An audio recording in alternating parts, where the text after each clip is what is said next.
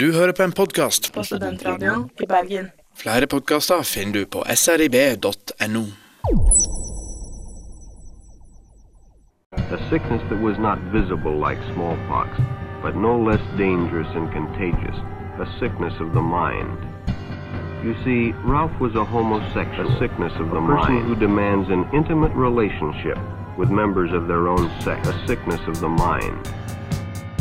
A sickness idea of the mind. Make an association in their mind The between sickness of the homosexuality and pain and discomfort.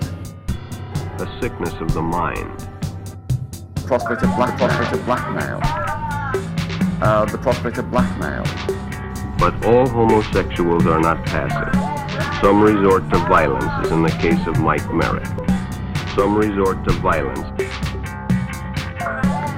I guess kind of that was kind of my own journey to then become, to then identify as being gay. A sickness of the mind.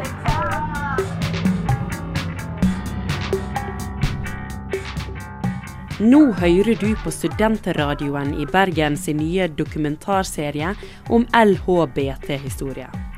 Og bare så det er helt klart fra starten av, så står disse fire bokstavene for lesbisk, homofil, bifil og transseksuell.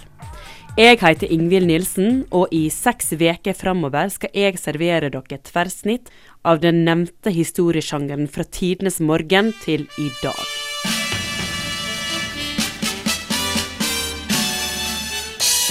Det fortjente ei fanfare, syns jeg, i alle fall nå i første episoden. Videre nå i eh, første episoden skal vi få ei kjapp innføring i hva homohistoriografi er, før vi kan begynne med den virkelige homohistoriefortellinga. Fortellinga begynner på et kontor på Historisk institutt ved University of Aberdeen, der jeg snakker med professor William Nafy, som forteller om den prekristne homohistoria. A number of the Roman emperors married men or went through the ritual of Roman marriage. Men aller først må dere få høre prologen min, og den fortjener òg FN-fare, syns jeg.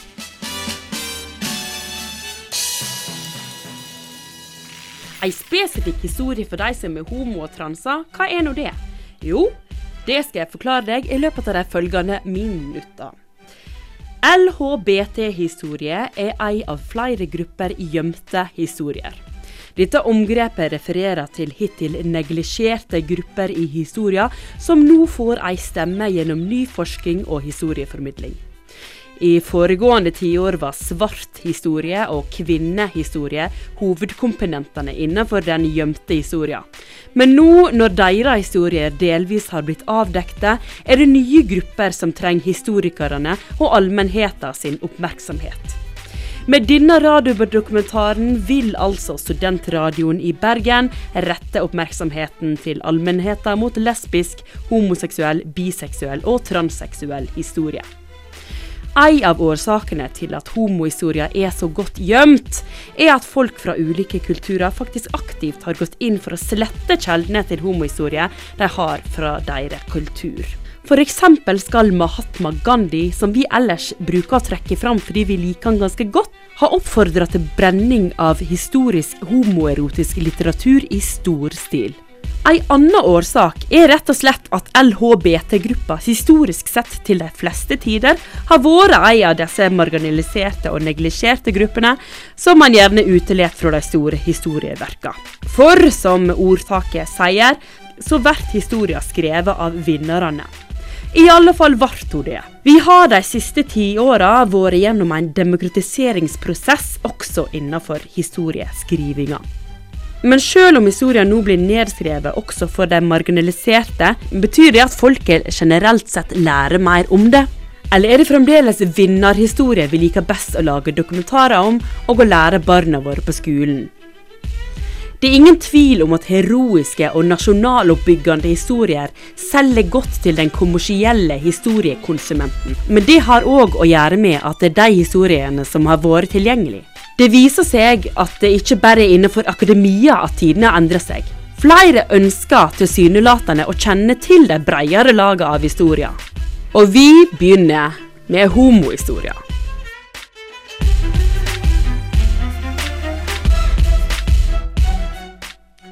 Vi begynner med homohistoria, ja, men altså aller først så må vi ta den intellektuelle turen innom homohistoriografien. Den akademiske turen skal vi kanskje Kanskje en kombo, en kombotur. Jeg har 99 problem, men ei kjerring er ikke et av dem, for jeg er homo. Historia ut av skapet. Laga for studentradioen i Bergen, med støtte fra Medietilsynet.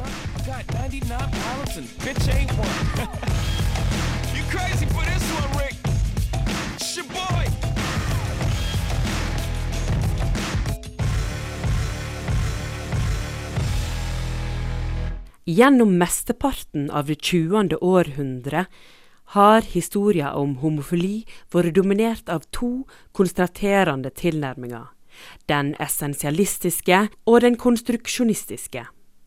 Den essensialistiske tilnærminga hevder at homofili har eksistert i alle historiske perioder i ei form vi kan gjenkjenne i dag.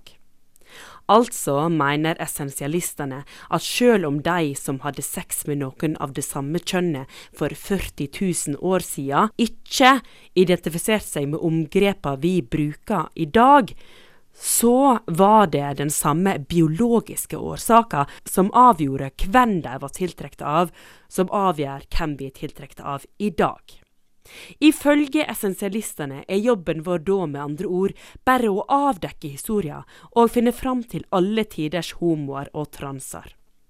På den andre sida er det konstruksjonistiske synspunktet at seksuelle praksiser og identiteter blir definert av den bredere kulturen, og at de derfor kan variere fra ulike perioder og ulike steder. Når alt kommer til alt, er det altså debatten om arv versus miljø her òg. Hva for de av retningene som har dominert, har variert i takt med de politiske og sosiale behovene til ulike tider. Fra 50- til 70-tallet ble den framvoksende homohistoriografien for det meste skrevet av utkomme homofile med et spesifikt politisk mål.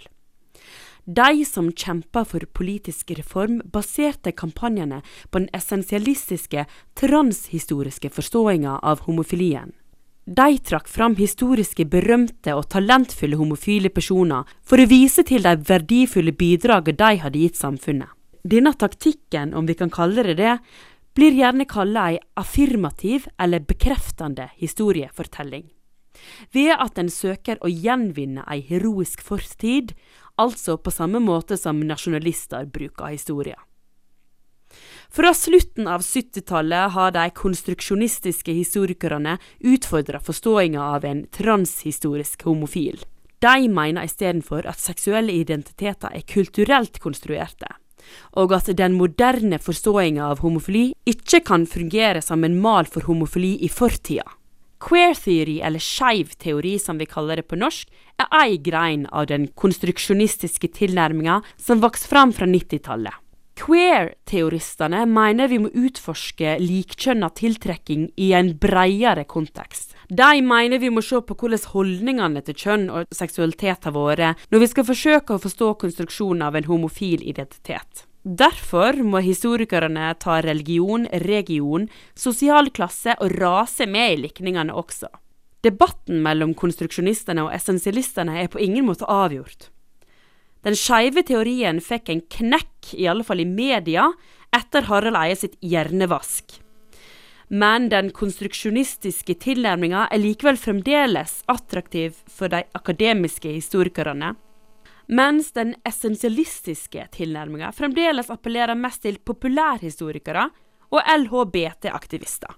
Hvilken forskning baserer du deg på når du sier at man ikke kan se på barn at de kommer til å bli homofile eller heterofile? Ja, altså Jeg var jo et barn selv en gang. Ja, På deg selv? Det var ingen som sa noe om at jeg skulle bli eh, homo. Men du baserer deg på, på mer enn forskning på deg selv? Jeg hadde venner som eh, har samme opplevelsen. Ja, det skjønner jeg, men, du har, men forskning, ikke bare sånn til å snakke med Og dessuten ble jeg ikke homo. Ikke sant?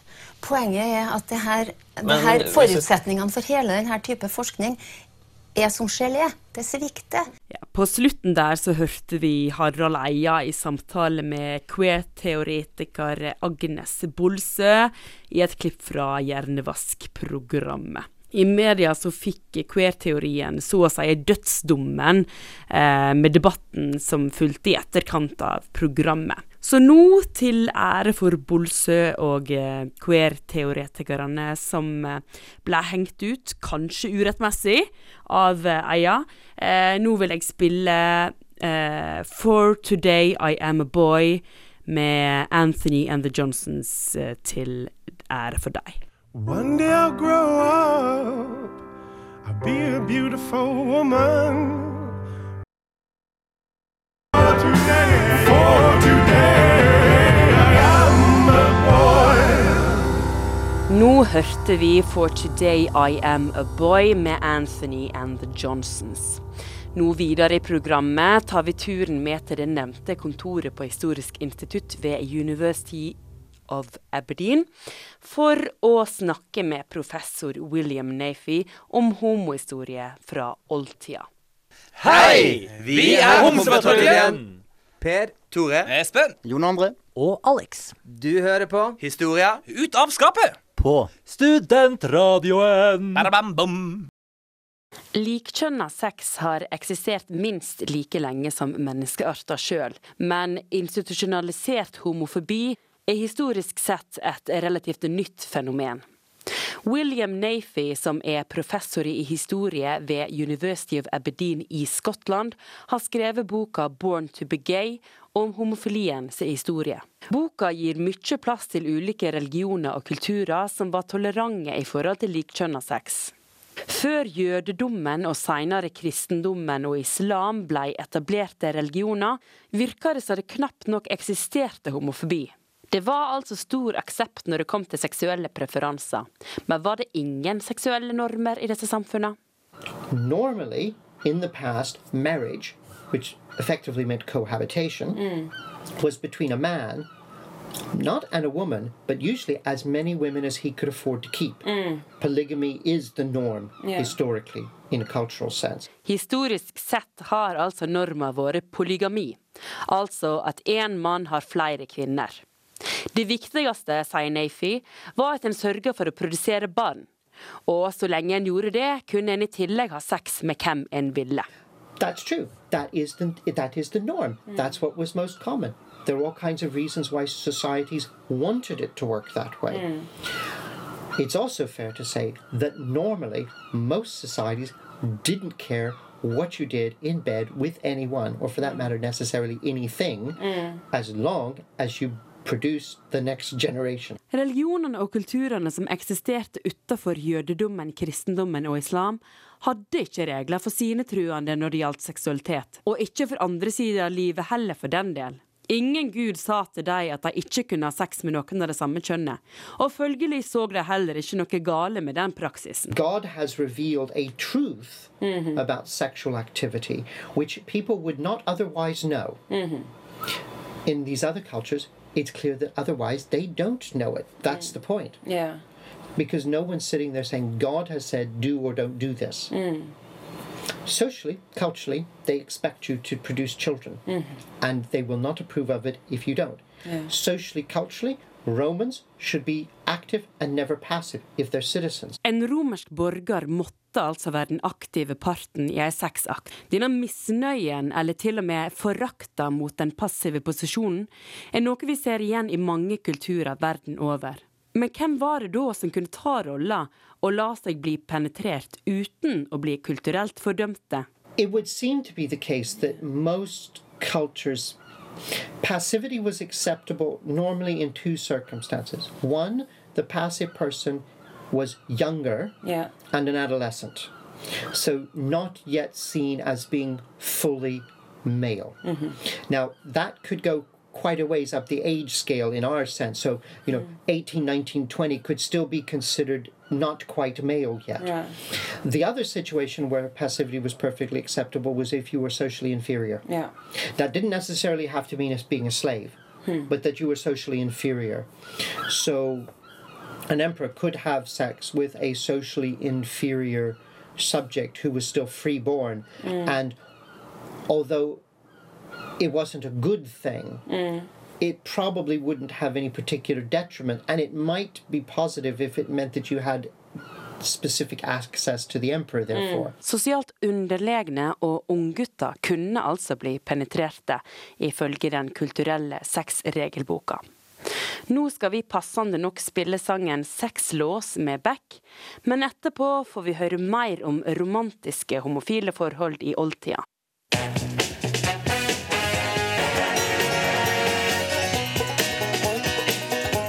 Det var Beck og hans sexlås.